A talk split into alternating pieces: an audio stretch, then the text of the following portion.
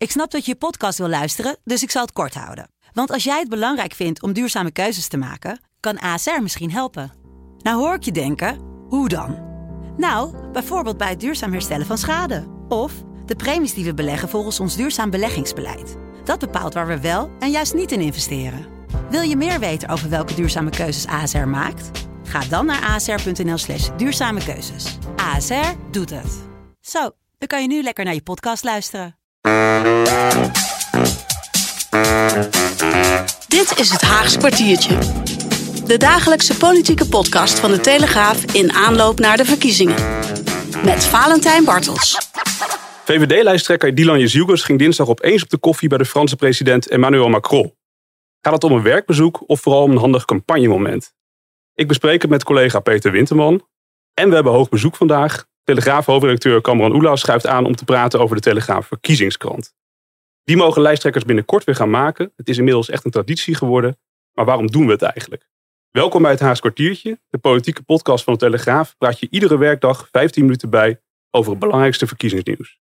Straks bel ik ook weer met een politiek orakel. En vandaag is dat PvdA-icoon Lut Jacobi. Maar eerst het opvallende bezoek van gisteren van de Jezielkus aan Macron in Parijs. Peter, wat, uh, wat ging ze daar eigenlijk doen? Ja, goede vraag. Ik heb hier een, een persberichtje voor mijn neus liggen van de, de Rijksoverheid. Die hebben ze gisteravond uh, uitgestuurd. Daarin staat dat Jezielkus nou ja, dus bij Macron op bezoek was. 50 minuten lang gepraat over onder andere binnenlandse veiligheid, extremisme, migratie, de aanpak voor georganiseerde criminaliteit en ook antisemitisme. Dus echt die onderwerpen waar uh, ja, ook Dylan Jezielkus zich als minister van Justitie mee bezig Ik vind het wel knap dat dat kan in 50 minuten. Ja, best wel een heel rijtje wat ze hebben afgehandeld. En ik vermoed ja. dat ze het ook wel even over uh, ja, de politiek hebben gehad en ja. de verkiezingen die er in Nederland aan zitten te komen. Ja, het was eigenlijk een bliksembezoek, maar is het eigenlijk gebruikelijk dat een demissionair minister van Justitie en Veiligheid bij de Franse president op bezoek gaat? Nee, dat is eigenlijk het korte antwoord op die vraag. Uh, ik heb ook even ja, gesproken met wat mensen die het kunnen weten, bij Buitenlandse Zaken bijvoorbeeld.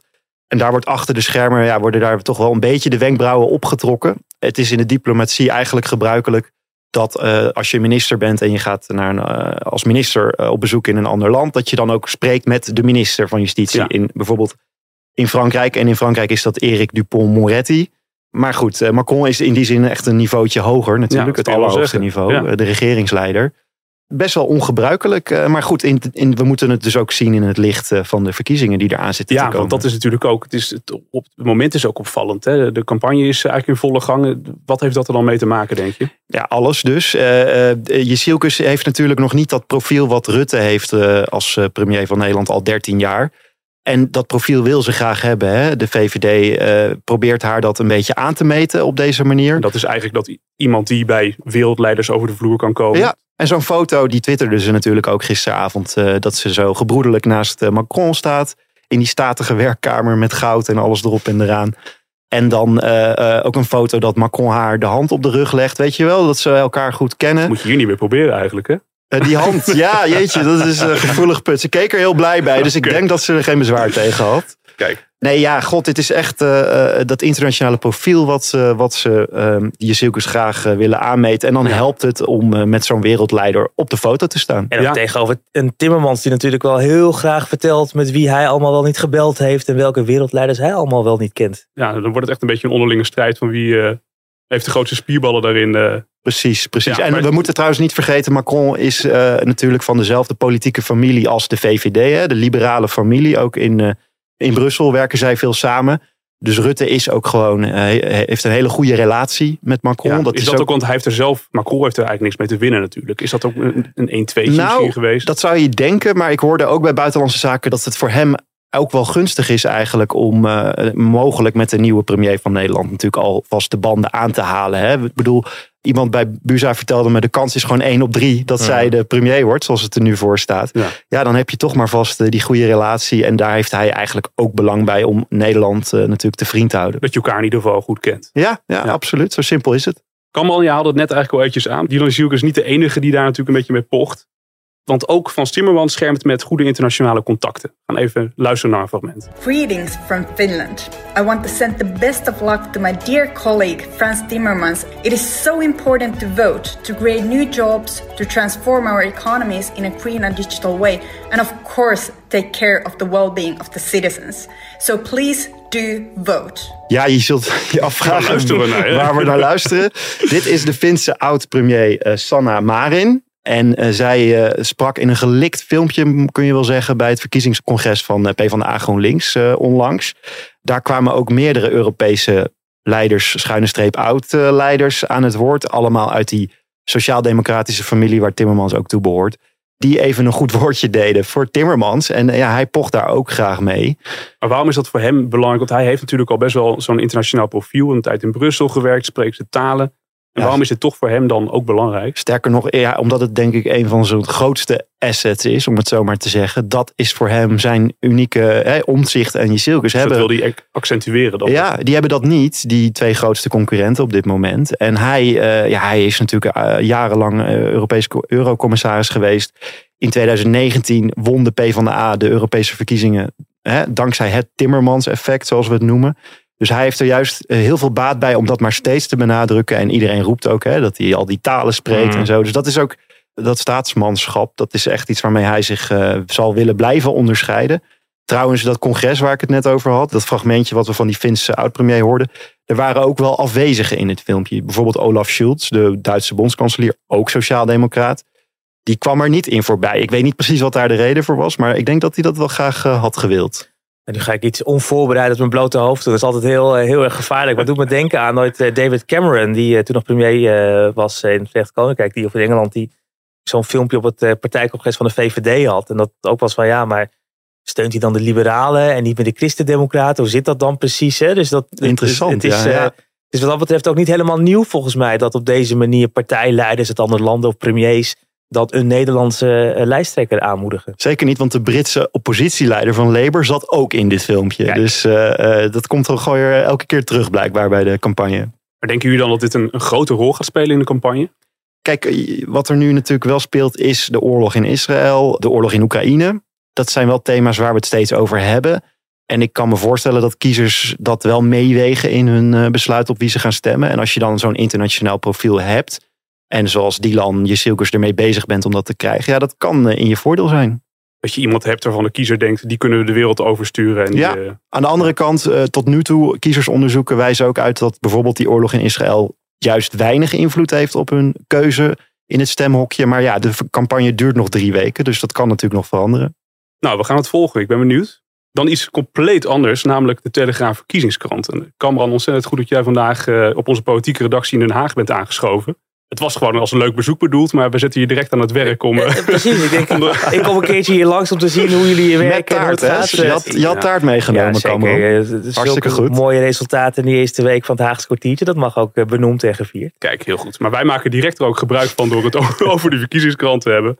Want dat is echt een traditie geworden natuurlijk bij de Telegraaf. In aanloop naar de verkiezingen komen lijsttrekkers eh, naar de basis weg toe om een verkiezingskrant te maken. Ze mogen zelf de pagina maken. We gaan even luisteren naar een fragment van een vorige editie. Godje, het is de vijfde keer nu, joh. Ja, Wat lachen. Ja, toen was het nog gewoon een, een, een eenvoudig drie-partijenlandschap. Wouter Bos nog. ja, ja, Ik Wouter. heb een bril niet op hoor, maar Ja, ik denk... ja. ja. Nou, ik vond het hartstikke leuk om een krant te maken. Want ik denk natuurlijk heel vaak als ik de Telegraaf lees, dat zou ik anders opgeschreven hebben. Dus nu kon ik dat doen. En het blijft gewoon ongelooflijk leuk dat we dit mogen doen met jullie. Dit is zo'n mooie traditie. Ja. Rutte, Kaag, Ploemen, hè, de, de lijsttrekkers de vorige keer. En Ploemen wilde het allemaal anders opschrijven. Nou, daar heeft ze een keer de kans gehad. Ja, nou, dat is haar wel gelukt. Dat, dat, dat heeft denk ik niet het resultaat gebracht wat ze gehoopt had. Maar eh, ehm, ja, het is een mooie traditie. En je hoorde Ja. Mark Rutte ook al zeggen, het is eh, de, eh, vijf keer al. Dus het is wat dat betreft wordt vaak over deze verkiezingen gezegd. Hè, dat, ja, hele bijzondere historische verkiezingen. dat- want een eh, nieuwe premier. Die we gaan krijgen vanwege het vertrek van Mark Rutte. Maar dat geldt dus ook voor onze verkiezingsmiddag die we gaan houden op eh, zondag 12 november. En met een mooie bijlage op eh, maandag 13 november bij de krant. Want het is voor het eerst zonder Mark Rutte. Ja. We hebben het nu vijf keer gedaan. En het was altijd Rutte. De eerste keer met Bos, Balken en Rutte. Je hoorde het De al, eerste ja. keer was dan 2007. 2007. Ja. En eh, inderdaad, het politieke landschap was toen hè, de drie klassiek grote partijen. En die, die waren aanwezig. Inmiddels hebben we een iets ander landschap. Dus we hebben ook een keer met vier, met vijf en dit keer zelfs met zeven lijsttrekkers. Ja, niet alle lijsttrekkers doen eraan mee. Hoe wordt die keuze gemaakt? Dat is in overleg met, uh, met, met jullie, met de parlementaire Ja. redactie, met de chef hier, met de politiek commentator. eh, om te kijken van joh, hoe, hoe gaan we dit goed aanpakken. In het begin, in 2007, was het heel duidelijk. Het waren gewoon drie partijen groot in de peilingen. Dat waren de, waar het op dat moment om, eh, om draaide. Dus die, op die manier eh, Bos, Balkenende en Rutte. En nu kiezen we voor de vijf grootste partijen op dit moment. En de twee grootste uitdagers. Inmiddels zien we natuurlijk wel dat BBB wat wegzakt in de peilingen. Maar op het moment van uitnodiging waren het wel heel nadrukkelijk in de peilingen twee grote uitdagers. Omzicht en BBB. En die met de vijf grote partijen. En eh, waarbij natuurlijk wel GroenLinks, PvdA, omdat ze samen dan eh, groot zijn. En op die manier komen ze dan toch boven de grens uit om uitgenodigd te worden. Ja, het zijn natuurlijk pagina's die de lijsttrekkers eh, zelf maken. Hoe voorkom je dan dat lezers die pagina's verwarren met redactionele pagina's? Ik denk dat er andere taal op staat, zoals met het Bloemenzijd fragment. Heel het andere is, taal, denk ik het, zelfs, eh, ja. nee, heel, heel duidelijk. De logo's van de partijen erbij. Wordt natuurlijk op de voorpagina op die manier aangekondigd. We proberen wel echt duidelijk aan te geven. Dit zijn pagina's die de lijsttrekkers of de partijen zelf hebben mogen maken. En daarbij kunnen ze kiezen uit verschillende rubrieken die we hebben. Dus het is ook eh, heel mooi op die manier de eigen invulling aan te kunnen geven. Je ziet ook de ene partij die veel serieuzere verhalen gaat. Dan een andere partij die toch ook kiest voor meer de, de nice to know eh, dingen. Nou goed, inmiddels zijn wij er ook steeds meer op gaan doen bij die dagen. Steeds meer verschillende dingen ook. Ja, het is al lang niet meer alleen een krant maken eigenlijk. Wat, wat gebeurt er nog meer die dag op de 12e? Ja, het is echt een eh telegraaf verkiezingsmiddag. Dus die dag, eh, ja, de zeven belangrijkste lijsttrekkers van het land zijn bij ons. We zijn die middag eh, live op, via onze website, via de apps te volgen. We hebben studiogesprekken met presentator Pim CD en politiek commentator Wouter de Winter. Waar alle lijsttrekkers even tien minuten op de bank bij mogen. En, en ook kritisch worden ondervraagd. En ze zijn die middag dus echt de laatste hand aan het leggen aan die eigen pagina. Die dan de volgende dag in de, in de krant terechtkomen. Uiteindelijk zal je video's zien op ons YouTube kanaal. Je zal fragmenten zien op onze sociale media. In de app live, dus urenlang eh, op de site. En ik kan me ook zo maar voorstellen dat we misschien ook wel fragmenten hebben die uiteindelijk ook in het Haagse kwartiertje belanden in de week daarna. Ja, en wie weet, het is zo kort voor de verkiezing. Krijgen we wel de gamechanger van deze campagne aan de basis weg. Dat zou zomaar eh, Ja. kunnen. Dus ik zou zeggen zondag 12 november echt niet missen. Want het gebeurt die middag echt bij de Telegraaf. Kijk, heel goed. Bedankt Cameron, bedankt Peter. Ja. Ik ga eh, bellen met het orakel van vandaag. Dat is Lut Jacobi. Gaan wij taart eten? Het orakel.Lut Jacobi. Ja, dag mevrouw Jacobi met Vaat en Bartels van de Telegraaf. Hi. Goeiedag, wat fijn dat u weer bij ons in de, in de uitzending bent om te vertellen wat u is opgevallen. Nou, wat mij is opgevallen, dat, eh, ik haal het uit kranten en nieuws natuurlijk, eh, dat in de peilingen de zaak een beetje stabiel, eh, zou ik bijna zeggen, blijft. Ja, 1, 2 zeteltjes winst voor PvdA en GroenLinks. Pieter blijft redelijk stabiel, NSC. En VVD zelfs, ja, momenteel volgens mij op dit moment even leidend. En er zijn nog zoveel zwevende kiezers, en dat snap ik ook wel. Eh, beide hebben eigenlijk wel staan dat er een andere overheid eh, moet komen. En de armoede in ons land eh, aan te pakken. ja. Als deze twee partijen elkaar er heel erg vinden en, en er krijgen nog heel veel steun erbij, dan worden dat hopelijk een paar zaken waar ons land weer voordeel van kan hebben. U heeft het debat gekeken. Wat, wat denkt u dat de zwevende kiezer na dat debat heeft gedacht? Ja, Maar ik weet niet eens of de zwevende kiezer wel naar dit soort dingen kijkt. Ik denk dat het vooral de eigen leden zijn. Ja, in de En, zaal eh, zaten en- vooral eigen leden. Hè? Dat, dat Ja, krijg je precies. natuurlijk als je het zelf organiseert ook. ja, al die debatten hebben soms ook wel helemaal niet zoveel zin, denk ik. oh, Eh, helemaal niet eigenlijk. Nou, nee, ik, ik denk uiteindelijk, dat geldt ook voor mezelf. Ik stem altijd op iemand waarvan ik denk, nou, die, die stijl van werken, die stijl die bevalt me heel erg. En als er wat is, is dat de persoon waar ik contact mee ga zoeken. Nou, u verklapte eh, vorige week al dat dat niet Frans Timmermans was in, die, in ieder Nee, geval. dat is zeker niet zoals Timmermans. Nee, nee, Bent u nog benaderd door, eh, door PvdA'ers die u toch op andere gedachten hebben gebracht? Ja, nou, wel de PvdA's, maar dat wil niet zeggen dat ik niet eh, PvdA GroenLinks zou misschien stemmen. Maar in ieder geval niet Timmermans. Ah, kijk. Ja. Maar ik stem bijna nooit op nummer 1 trouwens. Ik stem meer op iemand die mij ligt. En als ik naar die lijst kijk, dan zijn er twee waarvan ik denk, nou, dat is in ieder geval mijn stijl. Die zeggen het niet alleen, maar die doen het ook. Het zijn echt van de mensen die zitten in de kroeg aan de stamtafel. En eh, die brengen eh, de stem van het volk ook echt wel in hun werk, zeg maar. Geven ze dat een plek, wat ik zelf ook altijd heb gedaan. Ja. Dan denk ik aan Jim Hornkamp, die eh, komt uit Overijssel.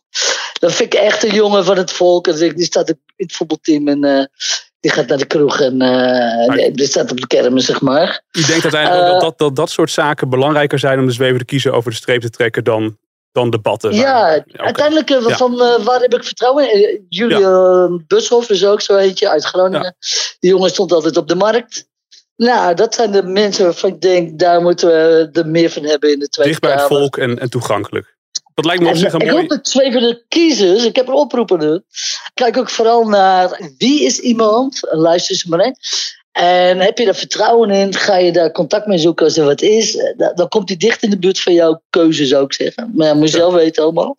Maar wil je niet teleurgesteld worden, ja, stem dan niet op mooi praters. En, en mensen uit je regio zijn natuurlijk heel belangrijk, hè. Dit is een beetje de, de- stemwijzer van Lutz Jacobi. Dus dat vind ik op zich wel een Dus mooi, nou ja, einde voor dus deze iedereen, week. Iedereen, iedereen moet zijn eigen keuze maken.